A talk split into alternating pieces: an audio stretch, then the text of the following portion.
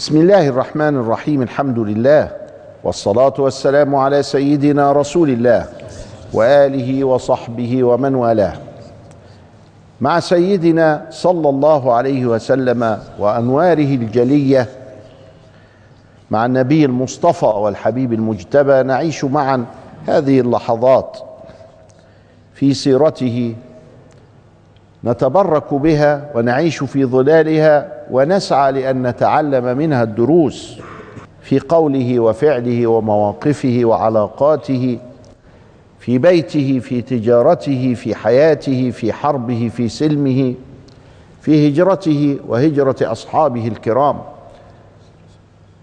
في كل ما هنالك مما يتعلق بذلك الإنسان الكامل لأنه هو بابنا إلى الله.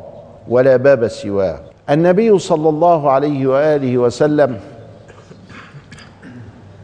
في الثلاثة السنوات الأولى التي يمكن أن نطلق عليها بالدعوة السرية وكانت الدعوة فيها قائمة على الأفراد وليس على الجهر.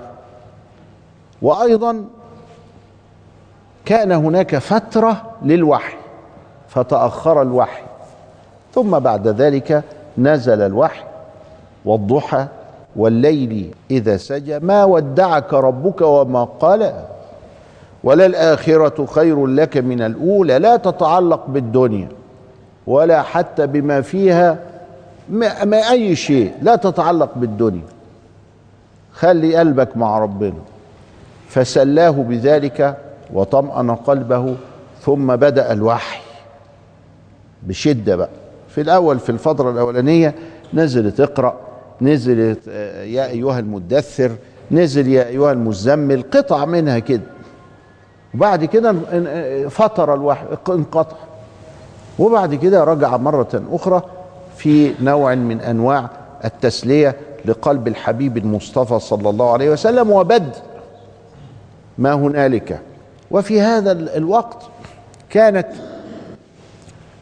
انتشار الدعوة يعني سرا ولكنه ثمانية أسلموا في الأول بعدين أربعة وعشرين وبعدين كمان قول كمان عشرين ولا حاجة كده أهو قاعدة بقى تزيد. في هذه الفترة بدأ المشركون يعني كانوا يقولون عندما يستمعون إلى مثل هذا أن بعضهم قد اتبع محمدا. يعني ما يتبعوا. ويجرى فيه إيه؟ ما يجراش حاجة. لأن المشرك ما عندوش ديانة أصلا يدافع عنها. هو كل اللي بيدافع عنه المصالح. فإيه يعني لما يلم له شوية عبيد حواليه ويقولوا إن ربنا واحد واحد. طب ما هو ربنا واحد فعلا. ما يجراش حاجة. سيبه يا عم. الله يخليه. كان هناك رأي في قريش بهذا الوضع.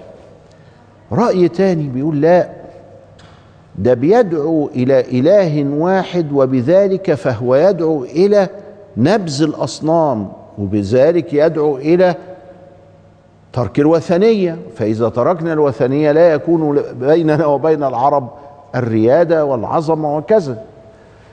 فلا تكون مكة بعد ذلك سوقا للعرب ورحلة للعرب ترحل إليها وبذلك مش هنلاقي ناكل آه الأخير بقت إيه؟ الجنيه والدولار في الأخير أهو. إن اللي أنتم بتعملوه ده بس خليكم واعيين. ده كده يهدم حتى يهدمكم أنتم.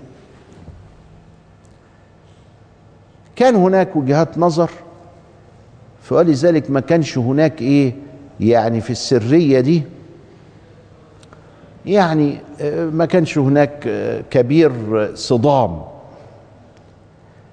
وبعدين نزل قوله تعالى وأنذر عشيرتك الأقربين.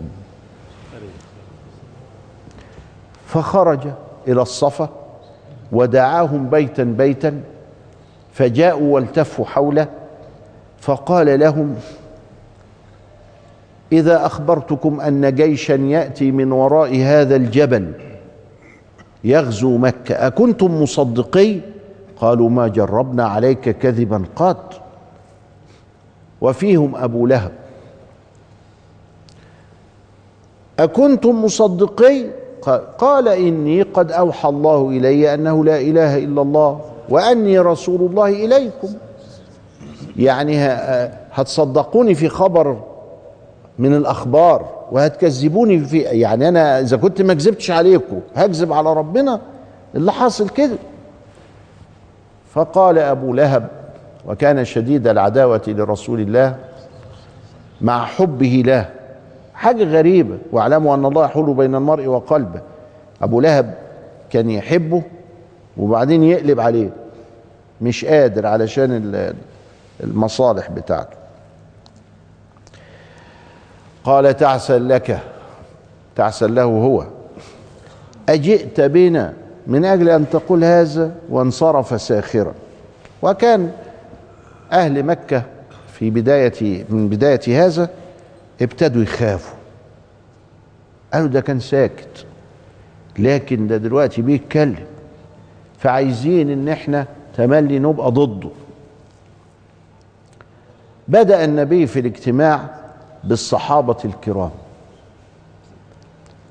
في دار الأرقم ابن أبي الأرقم ودار الأرقم كانت عند الصفا من وراء يعني كان تقريبا في الشارع اللي بين النزل الملكي وما بين الصفا.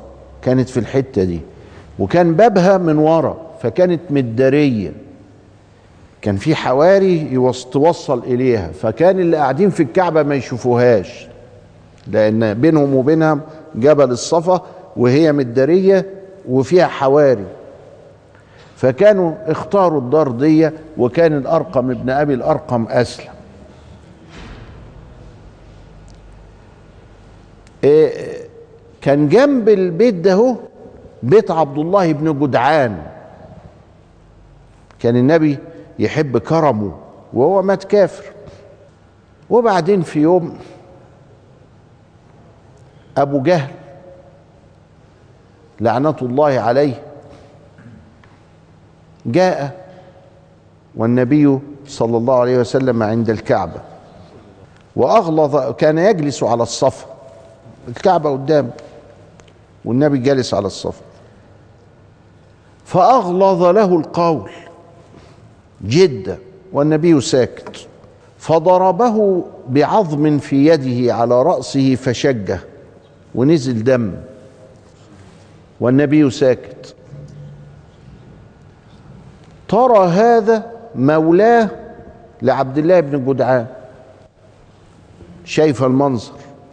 أبو جهل جاي شتم وقال ادبه ضرب ثم انصرف إلى اخوانه بجوار الكعبه كانوا يروحوا يسندوا ظهرهم للكعبة ويكونوا في الظل. فجاء حمزة فقابلته مولاة عبد الله ابن جدعان ما قالوش اسمها إيه؟ وأخبرته قالت إن أبا جهل قد ضرب ابن أخ ابن أخيك فشجه. حمزة بطل من أبطال قريش. وكان هو التاني طويل كده بحث عن محمد ملاهوش محمد بقى راح يضمد الجراح بتاعته دي ويغسل الدم وبتاع. راح إلى راح للكعبة لقى أبو جهل. راح خبطه بالف... بالبتاع في راسه شجه. وشتم له بقى. قال له يا مجرم يا ابن المجرم أنت بتضرب ابن أخويا وأنا على دينه. اضطرب أبو جهل قالوا له إزاي؟ وبنو هاشم جم علشان يدافعوا عن حمزة والتانيين جم علشان بني مخزوم علشان أبو جهل. وبعدين هيتخانقوا فقال لهم اتركوه فلقد سببته سبا فظيعا. يعني إيه؟ شعر بغلطته. بعد ما خد البشلة اللي في وشه دي. والله أعلم.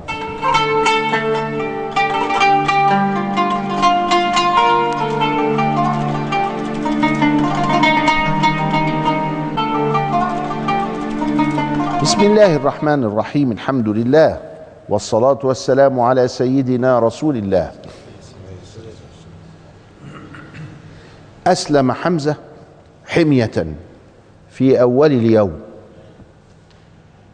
ثم جلس مع نفسه ففكر. أنا دلوقتي قلت لهم إن أنا مسلم. خلاص أنا مش هرجع عن إسلامي بس هو اللي يمنع من الإسلام. سيدنا حمزة كان اللي يمنعه من الإسلام شرب الخمر. كان يحب الخمرة شوية. والخمرة كانت لسه ما اتحرمتش. فكر كده قال الله ده الرجل ده لم يأتي لنا إلا بخير. فدخل الإسلام قلبه. أهي دي معجزة.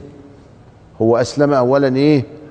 حمية كده وبعدين دخل الإسلام هو لقى روحه دخل الإسلام. فقعد بقى يبحث عن سيدنا النبي. هاتولي بقى محمد دلوقتي حالا أنا عايزه. هو عمه فدلوه على دار الأرقم. قالوا ده بيجتمع هنا كل يوم. فذهب فوجد النبي وأصحابه وأشهر إسلامه وقال له ففرح به النبي جدا. هو كان يحبه وكان أخوه وكان في الرضاعة. قلنا الكلام ده قبل كده. وكان وكان بس إيه بقى؟ لما أسلم. وده الفتوة بتاعت قريش. ف أول ما أسلم حمزة النبي دعا قال اللهم أعز الإسلام بعمر بن الخطاب أو بأبي جهل هشام عمرو بن هشام. ف بعد ثلاثة أيام ثلاثة أيام بس إحنا كده في سنة كام بقى؟ إحنا كده بقينا في سنة خمسة بقينا في سنة خمسة هنرجع نجيب أربعة وخمسة وستة وكل حاجة. بس إحنا المنظر بتاع دار الأرقم ابن أبي الأرقم ما إحنا ثلاث سنين وبعدين النبي أعلن عند الصفا بقى على عينك يا تاجر بس الاجتماعات لسه سرية علشان ما يهاجموش عليهم ويحصل صدام وكذا إلى آخره. لكن خلاص بقى في دعوة موجودة. إنما أربعة وخمسة شغالين ضرب في الناس دي. أسلم حمزة بعد ثلاثة أيام أسلم عمر. ماشي كده. عايز يقتل محمد. فواحد قبل. قال له انت رايح فين يا عمر؟ قال له رايح اقتل محمد. قال له راح تقتل محمد إزاي؟ ما بلاش كده لأنه أنت فاكر إن بنو هاشم هيسيبوك تمشي على الأرض برجليك. قال له آه تلاقيك اتبعته. والله تلاقيك اتبعته. قال له أنا اتبعته؟ طب اتشطر على أختك وجوزها. اتبعوه. قال إزاي؟ قال له زي ما بقول لك كده. فاطمة بنت الخطاب وجوزها سعيد ابن زيد اتبعوه. وكان عندهم خباب بن الأرط بيعلمهم القرآن. فراح لهم سيدنا عمر ومسك في خناقة سعيد جوز أخته. يقولوا ختن وعايز يضربهم وكذا. قالوا له اقعد بقى بلاش البتاع بتاعك كده. قال لهم إيه اللي معاكم ده؟ قالوا له دي سورة طه. هاتها اقراها قال لا وكان عمر يقرأ. يعني كان متعلم القراية. قالت له روح اتوضى ولا روح اغتسل ولا شوف لك كده اتطهر فهزته الكلام ده الكلام ده هزه. وبعدين قرأ سوره طه. قال لا ده الكلام ده مش كلام بشر ولا ساحر ولا كاهن ما إحنا عارفين الكلام بتاع الكهنة والصحراء والدجالين. الكلام ده ده دخل قلبي. خباب ابن الارط سمع كده راح طالع له. كان مستخبي في الدار جوه طلع.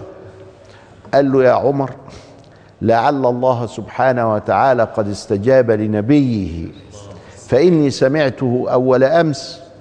ما هم في ثلاث ثلاث أيام أمس الباكر يعني ولا كده من ثلاث أيام بيدعو ويقول كذا وكذا اللي هي اللهم أعز الإسلام بعمر أو بأبي جهل فأعزه بعمر. وأبو جهل مات في بدر كافرا قتله عبد الله بن مسعود. عمر سمع كده اتبسط قال أروح للنبي بقى هو فين؟ دلني عليه أنا كنت رايح أقتله دلوقتي رايح مؤمن بيه. والله يا اخوانا لو عرفتوا كده تعرفوا دي, دي معجزات. إيه اللي الانقلابات الغ- الغريبة ده؟ بإذن الله ده معجزات. فذهب إلى دار الأرقم ابن أبي الأرقم فقام أحدهم وبيخبط الباب بص كده من ال- الشراعه ولا من ال- ال- الفلق اللي بين ال- الألواح فشاف عمر متوشحا سيفا. دخل قال لهم ده عمر بن الخطاب. متوشحا سيف. فقال حمزة ادخلوه فإن أراد خيرا بذلناه له وإن لم يرد خيرا قتلناه بسيفه. فتوة ده. ها؟ سيدنا عمر 2 متر و80 يعني لغاية السقف بتاع البيوت دلوقتي. فقال لهم لا ده أنا أقتله بسي- بسيفه. فلما دخل سيدنا النبي كان قويا جدا. جسمه قوي قوي. فلما دخل برز له النبي وقال ألا ترعوي يا ابن الخطاب؟ وأمسكه من حجزه. أمسكه من وسطه كده. ورفعه على يديه كده. قال له أنت مش هتنتهي يا ابن الخطاب. فهو فوق كده أهو. قال أشهد أن لا إله إلا الله وأن محمد رسول الله. فنزلوا وكبروا ناس كبرت بقى. شوف العرب لما يعني آه، ممكن واحد يقول لك إيه طب ممكن يكون بيقولها خداعا. لا العرب ما تخدعش. تتصور. شوف العرب الجاهلية ما بيخدعوش. النهاردة النابتة اللي خارجة دي بتخادع وبتقول كلام وترمي على كلام تاني وتلعب سياسة وتلعب نجاسة. إيه ده؟ حتى الشهامة مش موجودة مش العلم بس اللي مفقود ده الأخلاق مفقودة أيضا. قال له أشهد أن لا إله قعد قال يا رسول الله علامة الاختفاء.